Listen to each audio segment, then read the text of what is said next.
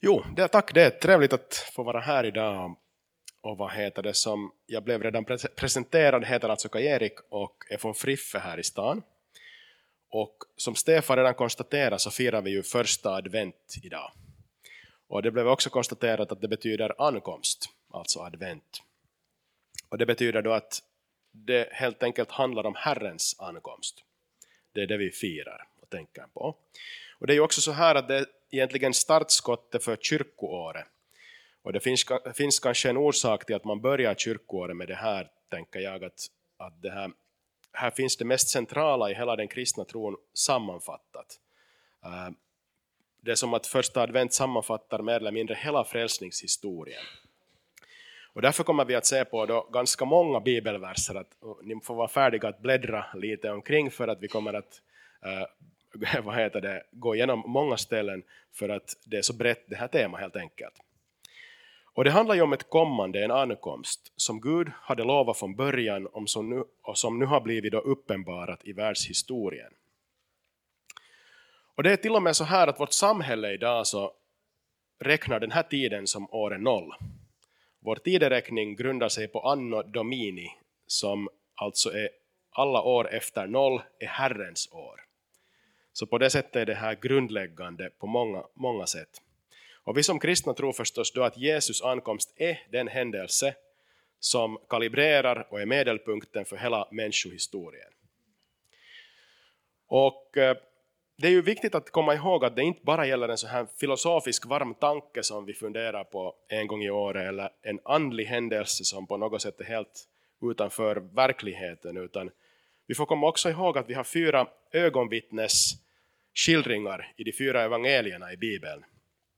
Att eh, bland annat Lukas gjorde en sån här sammanfattning där han antagligen då intervjuar flera människor och han skriver att han noga har efterforskat saken eh, för, för, för att Teofilus, den han skriver åt, ska veta hur tillförlitlig den undervisning är som du har fått.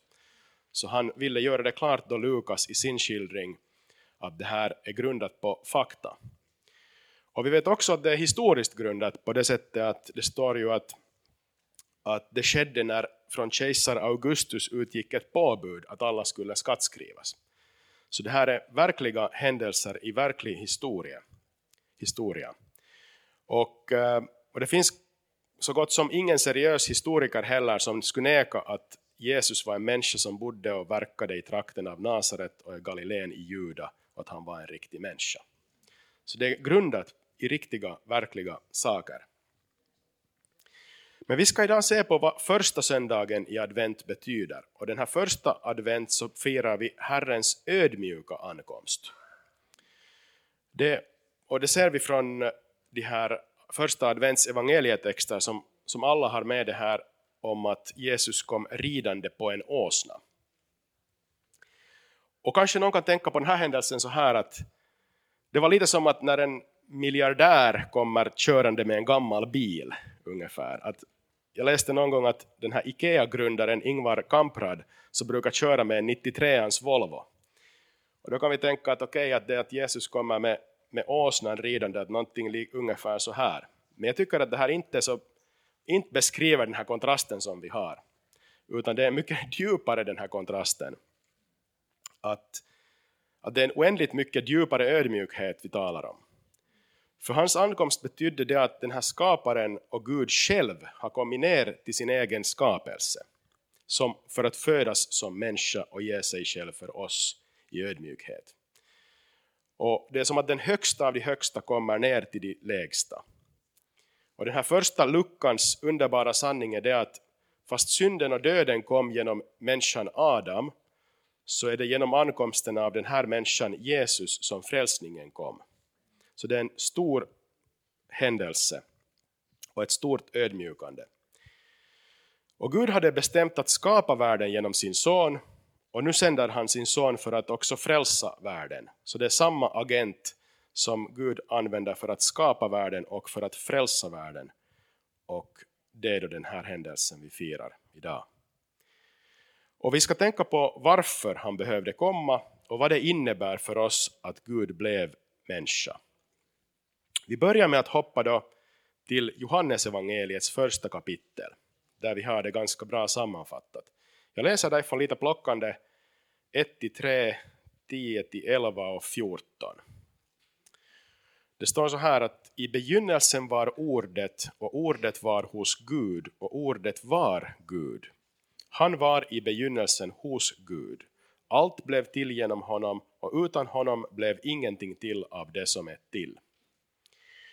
Här ser vi att Jesus, alltså ordet, var i begynnelsen med Gud och att allt skapat blev till genom honom och ännu understreckat att allt blev till genom honom. Och det står också att han var i världen och världen hade blivit till genom honom men världen kände honom inte. Han kom till det som var hans eget och hans egna tog inte emot honom. Och så står det i vers 14 också att och ordet blev kött och bodde bland oss. Så det här är någonting som har skett då och som vi tänker på om vi tänker på det här med, att, med ödmjukhet, att han kom ödmjukt. Um, texten säger alltså att han som har skapat världen kom till det som var hans och ordet blev kött och bodde bland oss. Och eh, det är helt enkelt att skaparen föds som människa in i sin egen skapelse. Det är som att typ författaren har skrivit sig in i historien själv. Så det här är någonting som vi får hålla i tankarna när vi tänker på hans ankomst. Men sen är det också så att Jesus kommer inte heller så där plötsligt bara plopp utan något sammanhang, utan det, finns, det är inte en lösryckt händelse i världshistorien, utan det finns ett sammanhang dit Jesus kommer. Uh, hela gamla testamentet handlar om honom och hans framtida kommande. Och Jesus själv förstod sin roll när, det, när han, bland annat då, när han var i templet och direkt åt honom den här Jesajas bokrulle, så tog han emot den här bokrullen och han läste därifrån. Det här hittar vi i Lukas 4, 18-21. Jesus får alltså Jesajas bokrulle i handen och han läser. Herrens ande är över mig, för han har smort mig till att förkunna glädjens budskap för de fattiga. Han har sänt mig att utropa frihet för de fångna och syn för de blinda, att ge de förtryckta frihet och förkunna ett nådens år från Herren. Sedan rullade han ihop bokrullen, räckte den till tjänaren och satte sig. Alla i synagogan hade sina ögon fästa på honom och då började han tala till dem. Idag har det här stället i skriften gått i uppfyllelse inför er som lyssnar. Så här påstår han då Jesus själv att han har kommit för inget mindre än att befria och rädda och upprätta människosläktet och skapelsen med ett glädjens budskap, med ett nådens år från Herren. Och han kom i en viss tid, och han kom från ett visst folk och han kom från ett visst släktled. Så vi ska nu lite se i detalj då hur den här ankomsten passar in i Bibelns budskap. Eh, hans ankomst, hans liv och död och uppståndelse är ändå hela frälsningshistoriens centrum. Så vi går tillbaka till början nu. Nu bläddrar vi helt, vi får ta biblarna och bläddra helt till början. Vi går dit. Första Moseboken. Eh, kapitel 1, 26 och 27. Där hittar vi det här. Låt oss göra människor till vår avbild, lika oss. Och Gud skapade människan till sin avbild. Här börjar det att människan var skapad till Guds avbild, till att vara lika honom. Och det fanns en djup gemenskap och ett förhållande mellan människa och Gud. För människan var faktiskt skapad till Guds avbild i skillnad till alla andra skapade varelser. Och människan var kallad att föröka sig och att regera och härska över skapelsen. Så människans roll var hög på det sättet att, att, att människan var vad heter det, skulle härska över skapelsen faktiskt. Råda över den. Men bara några kapitel senare så har vi tyvärr då en annan stor händelse, nämligen syndafallet. När den här relationen och gemenskapen med Gud blir brusten. Människan lyssnar till en annan röst än Guds röst, till en änglavarelses röst som egentligen kommer genom en orm. Och Gud låter då syndens följd, alltså döden, komma in genom den här händelsen och hela världen blir som brusten. Skapelsen är inte längre hel och Gud förbannar marken och relationer blir pressade genom synd, genast från början. Och Adam som var då Guds son gör inte det som Gud hade skapat honom till utan går sin egen väg. Och den skapade varelsen, människan, vänder sin rygg åt sin skapare. Och människan lever då från och med fallet under dödsskugga och har en söndrig relation med Gud. Eh, och i en värld som är brusten och egentligen förbannad. Men Gud ger också då där genast i början ett löfte. Och han säger åt ormen så här, och det här har vi i första Moseboken 3.15. Jag ska sätta fiendskap mellan dig och kvinnan och mellan din avkomma och hennes avkomma. Han ska krossa ditt huvud och du ska hugga honom i hälen. Så redan där genast i början så märker vi att Gud ger ett löfte om att det ska komma en som ska krossa ormens huvud. Och man kan nästan säga så här att hela resten av Bibeln handlar om den här, hur det här vad heter det, kommer att ske. Och det uppstår ett utvalt släkte, det är kvinnans avkomma, som ska stå emot ormens avkomma. Och den här kvinnans avkomma sträcker sig från Adam till Noa, till Abraham, till Israel, till ett visst folk. Och många gånger får det här folket olika löften som verkar peka till någon som är fullkomlig och någon som ska komma. Abraham får ett löfte att hans namn och släkt ska bli till välsignelse för många folk. Och David får ett löfte att hans tron ska vara för evigt. Det verkar vara sådana löften som går utöver det som Abraham och David själv såg.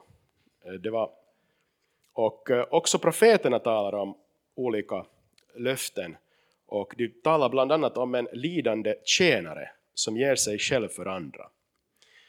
Så det finns å ena sidan en bild av en sån här majestätisk, eh, gudomlig kung, men också en bild av en lidande, tjänande figur kommer fram där i profeterna. I salmerna så ser vi hur Guds utvalda kung David, som ju var kung, ändå är på flykt för, från sina fiender och fast han är kunglig så hamnar han ändå utstå fientligheter och och han är på flykt och han utstår hat från sina egna och från fiender. Och alla de här bilderna sa Jesus åt Emmausvandrarna att handlade om honom. För Jesus sa att, eller står där i Lukas eh, 21, att och han började med Mose och alla profeterna och förklarade för dem vad det stod om honom i alla skrifterna. Så Jesus själv påstod att Mose och profeterna och allt i skrifterna handlade om honom. Och han hade det rätta släktregistret så att säga, som gick tillbaka ända till David, ända till Israel, ända till Abraham, ser vi där i Matteus 1. Men å andra sidan så går hans släktled ännu längre tillbaka, ända till Adam. Och det släktregistret hittar vi i Lukas, och där står det att man menade att han var son till Adam, son till Gud. Så det var visserligen hans mammas släkt, för vi vet också att, att eh, om hans födsel att, att den sker utan Josefs insats. Men genom hans mamma så, så går hans släktled ända tillbaka till Adam. Och det är som att vi börjar få en skiss och vi får mera färg och vi börjar se en bild av den här som skulle komma. Och den kungliga och majestätiska militära ledaren, det var ju någonting som judarna i Jesu tid faktiskt väntade på. Och de väntade att få en, en, en ny kung som skulle, uh, vad heter det, hjälpa dem och, och vad heter, befria dem från romarnas våld. Men de hade problem att förstå hur det passade ihop med den ödmjuka Jesus som kom. Men vi går tillbaka och funderar på det här med Adam, hur, det, hur, hur Jesus och Adam hänger ihop. För det var ju så här att Adam var, en, var den människoson som, som vad heter det, ville nå det som inte var hans. Han sträckte sig, han tog äpple för att, för att nå högre och vad heter det? Och Jesus är den människoson som ödmjukar sig och når, når, sträcker sig neråt. Och eh, Jesus faktiskt tyckte om att använda den här termen människoson om sig själv. Han kallar sig ganska ofta till människosonen. Och han visste säkert att det där i psalm 8 står om en människoson. Och han visste också om att det finns en figur i Daniel 7 som beskrivs som människoson. Så vi har psalm 8 och Daniel 7 där det talas om människoson. I Daniel 7 så är det en så här Daniel får en syn att det finns och det kommer en människoson som stiger upp till faderns tron och, få, och är given all makt och ett evigt rike. Så när Jesus kallar sig till människoson så tänker han antagligen på den här bilden av människoson som finns i Daniels syn där människosonen helt enkelt stiger upp till den gamle och blir given all makt och ett evigt rike som inte kan förstöras. Och vi har texten där och det går så här att i min syn om natten såg jag och se, en som liknade en människoson kom med himlens skyar. Han närmade sig den gamle och fördes fram inför honom. Åt honom gavs makt och ära och rike och alla folk och stammar och språk ska tjäna honom. Hans välde är ett evigt välde som inte ska ta slut och hans rike ska inte förstöras. Så den här människosonen uh, hade säkert Jesus i tankarna när han talade om sig själv som människosonen. Han är den människoson som skulle få stå, eh, gå upp till, till Fadern, Eh, till den gamle står det här. Träda fram inför honom. Men han är också människosonen från psalm 8 som beskriver den här värdigheten och härskarrollen som människan skulle ha. Att härska och råda över skapelsen. Vi ska nu inte se desto mer på psalm 8 men jag kan berätta att där, där står att, alltså att människan är i princip också en ynk, ynklig i förhållande till hela skapelsen men verkar ändå ärva härlighet. Så det finns en sån paradox eller kontrast där. Det står där att vad är då en människa att du tänker på henne, en människoson att du tar hand om honom. För människosonen Adam hade ju mistat sin ställning som Guds representant. Men salmen där verkar tala om en annan människoson som på nytt får härska över skapelsen och stiga upp på något sätt till en position av härlighet. Och vi kan tänka så här att när Adam och Eva fick portförbud från Edens lustgård så satte ju Gud keruber och vakta som portvakter med flammande svärd för att hålla dem ute, borta från Edens lustgård. De fick inte komma tillbaka. Men det verkar då alltså finnas här i Gamla Testamentet en människoson som på nytt får träda fram inför Gud. Som människa, människoson. Så det är den här stora det, det, det, hemligheten som finns här, att, att det på nytt kommer en människoson som får tåga in fram inför Gud på nytt och komma nära honom. Så vi har då löften om en avkomma som krossar ormens huvud, om en avkomma som bringar välsignelse till många folk och som kommer att sitta på Davids tron för evigt och som är en människoson som får stiga upp till Gud. Sen hoppar vi och ser ännu på en bild för att måla upp det här. Vi, ser, vi hoppar till Jesaja 52 och 53. För där finns det en bild av en lidande tjänare. Jag läser först från 52, 13-15, alltså Jesaja. Min tjänare ska ha framgång, han ska bli upphöjd, mäktig och ärad. Många förfärades över honom, så vanställt var hans yttre, så föga mänskligt hans utseende. Men nu får han många folk att häpna och kungar förstummas inför honom, ty de ser något de aldrig hört talas om, bevittnar något de aldrig anat. Så det där stället talar om att det är en som, som vad heter det, ser föga, föga mänskligt ut hans utseende. Det är vanställt. Äh, den här bilden av Adam blir ännu mera nertrampad. En nertrampad bild av Adam som ändå kommer att upphöjas och kommer att få folk att häpna och kungar att förstummas.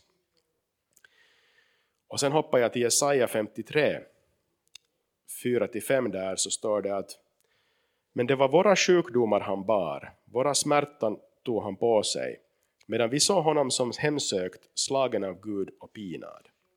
Och från 5 läser jag, straffet blev lagt på honom för att vi skulle få frid, och genom hans sår är vi helade. Och till slut står det i vers 12 att därför ska jag ge honom de många som hans del, och de starka ska han få som byte, eftersom han utgav sitt liv i döden och räknades bland förbrytare, han som bar de mångas synd och gick in i överträdarnas ställe. Så också de här ställena talar om att dels en som sträcker sig väldigt lågt och blir pinad och vad heter det, uh, vanställt hans yttre uh, och som å andra sidan Gud upphöjer sedan.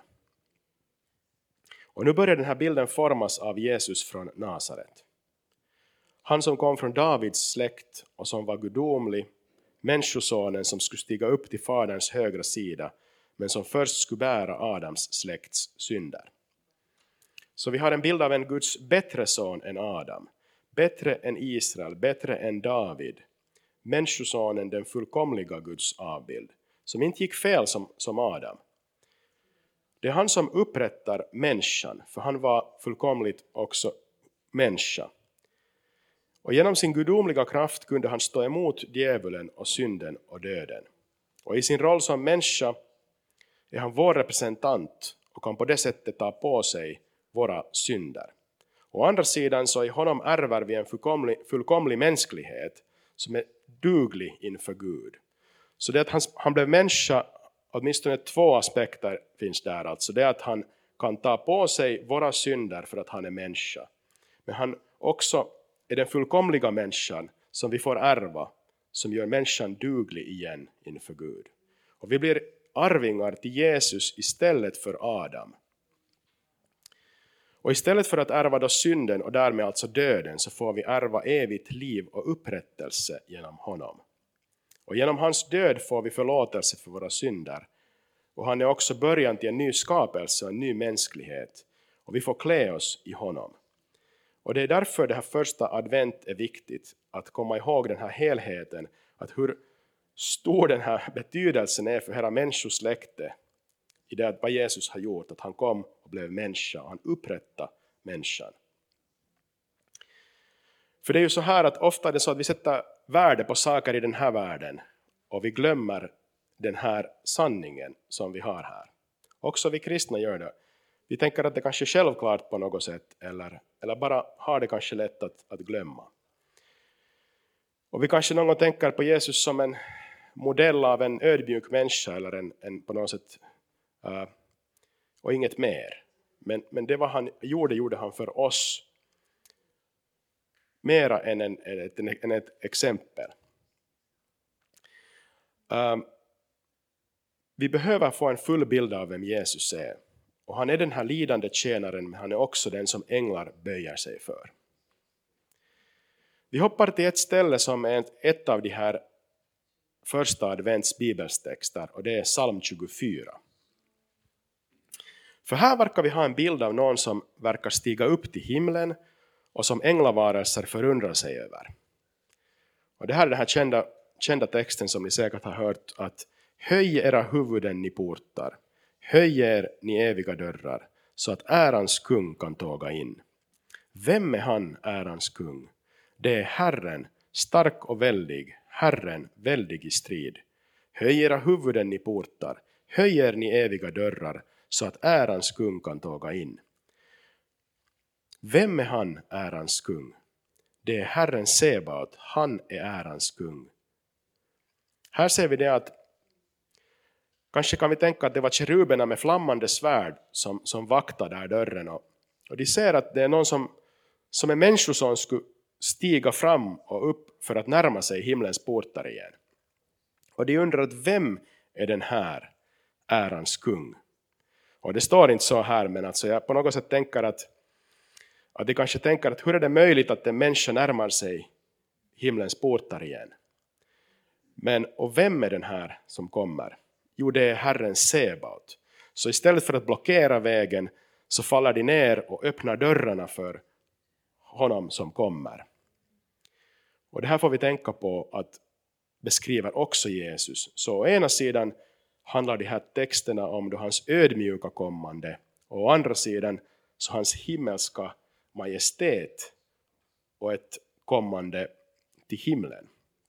Och det gäller på det sättet då människosläktet att, att han tar ödmjukt på sig mänskligheten och sedan tågar han till himlen i majestät och på det sättet tar oss och för oss tillbaka till Gud.